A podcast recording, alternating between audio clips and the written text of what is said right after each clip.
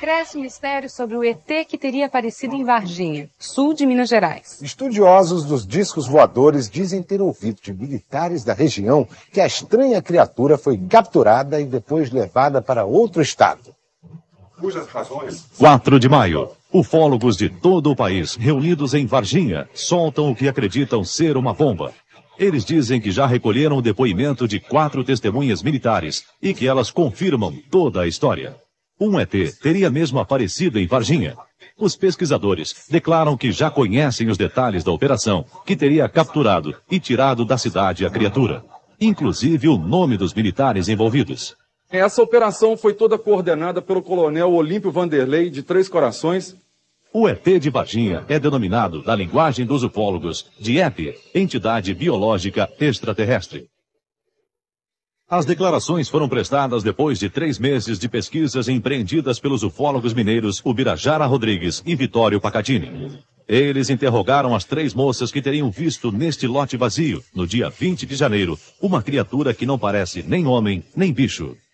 Aí de repente, assim que nós olhamos pra lá, assim, aquela, aquela coisa estranha, redonda, nossa, tava super estranho. Ai, tinha um, uns negócios tipo chifre na cabeça. Tinha, assim, a pele marrom, parecendo que passou com óleo. algum óleo no corpo. Tinha um pé grande, uns olhos super regalados, vermelho.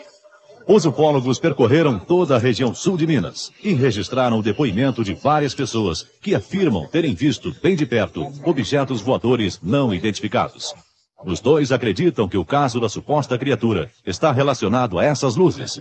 As aparições mais impressionantes ocorreram nos municípios de Três Corações, São Gonçalo de Sapucaí, Alfenas e Monsenhor Paulo. Os depoimentos foram gravados com equipamento amador. Aquela luz começou a movimentar e vir na nossa direção. Essa luz parecia que tomou, ia tomar conta do carro, era uma luz muito forte, azulada, prateada, não sei te definir o que que era. Acendeu todinho. Aí eu imediatamente já voei para trás na parede e fiquei pasmo. Fiquei amedrontado mesmo. No dia 4, os ufólogos apresentaram uma outra testemunha, um médico da região que pede para não ser identificado. Eu vi ao meu lado, no alto do barranco, uma estrutura imensa, tá imensa, uma, uma estrutura metálica, as luzes é, oscilando, tá? Mas é, algumas cores vermelhas, é, branca, amarela, eu vi uma nave. Eu posso afirmar isso, é uma nave. Os ufólogos mineiros encontraram também pessoas que dizem ter visto seres estranhos na região. O depoimento mais intrigante é o de Dona Terezinha Cleff, que mora em Varginha há 46 anos. Ela diz que viu algo estranho no dia 21 de abril. Eu não vou afirmar que vi o ET. Eu tinha saído no Alpendre para fumar. E vi uma coisa muito feia. Os olhos vermelhos, grande esbugalhado. E a cor dele era marrom escuro era muito feio. Animal não era, isso eu tenho certeza. Mas os pesquisadores acreditam que a grande evidência do caso Varginha é o depoimento de militares que teriam participado das operações de captura e retirada da cidade do suposto ET. As testemunhas não podem ser identificadas. Uma delas afirma que a captura foi feita pelos bombeiros neste local, no bairro Jardim Andere, perto de onde as meninas dizem ter visto a estranha criatura.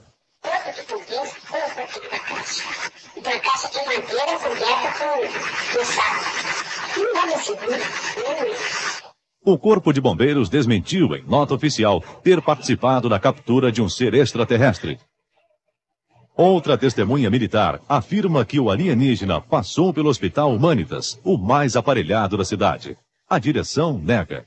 Que no hospital não teve nenhum, nenhum extraterrestre. Ele, e mesmo porque nós não estaríamos nem preparados para atender realmente um extraterrestre. O hospital aqui está preparado para atender a raça humana, que não sabia nem como atender alguém que não fosse da raça humana.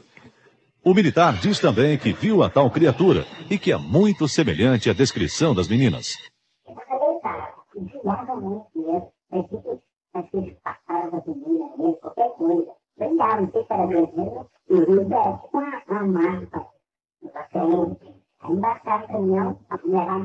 A ESA é a Escola de Sargentos das Armas em Três Corações, a unidade militar mais importante da região. Nada temos a esconder. O comandante da escola leu nota oficial, negando toda a história, mas evitou as perguntas dos repórteres. Caso houvesse. saber o que eles estavam fazendo no dia do acontecimento? Trabalhando. Em prol do exército, em prol da nação. Isso tem como ser comprovado? Para quê? A imprensa. Por quê? Pô, Porque não se quer provar os fatos? Os fatos? Eu não tenho que provar. O que eu tinha a dizer foi tudo. O coronel Olímpio Vanderlei, citado como comandante da operação de captura do suposto ET, não quis gravar entrevista. Ele disse por telefone que tudo deve ser uma história inventada por algum ex-soldado. Mas os ufólogos garantem que as testemunhas são militares da ativa. Tive a oportunidade de ter um contato pessoal com ela e a primeira coisa, por uma obrigação de investigação que exigi, é que ela me exibisse as suas credenciais, principalmente militares, o que foi feito. Todas as informações estão embasadas em depoimentos de testemunhas autênticas. Portanto, ninguém aqui está inventando nada. No mesmo dia 4 de maio, quando os ufólogos soltaram uma nota anunciando o resultado de suas investigações, a mãe de Valquíria e Liliane fez uma denúncia. Ela afirma que na noite de 28 de abril, quatro homens vestidos de terno e gravata foram até sua casa para oferecer dinheiro. Em troca, as meninas deveriam gravar um depoimento negando toda a história. Se a gente resolvesse dar essa entrevista, que eles nem em cheque pagariam, pagariam em dinheiro vivo. O Birajara Rodrigues e Vitório Pacatini dizem ter recebido informações seguras de que o suposto ET foi levado no dia 22 de janeiro pelo Exército até uma unidade militar em Campinas. Lá vai começar a próxima etapa da investigação. Apesar de todos os desmentidos, mesmo levando em conta o quanto é difícil acreditar que uma criatura alienígena esteve por aqui e foi capturada pelas Forças Armadas, os pesquisadores estão convencidos. Alguma coisa muito importante aconteceu na cidade de Varginha no mês de janeiro de 1996.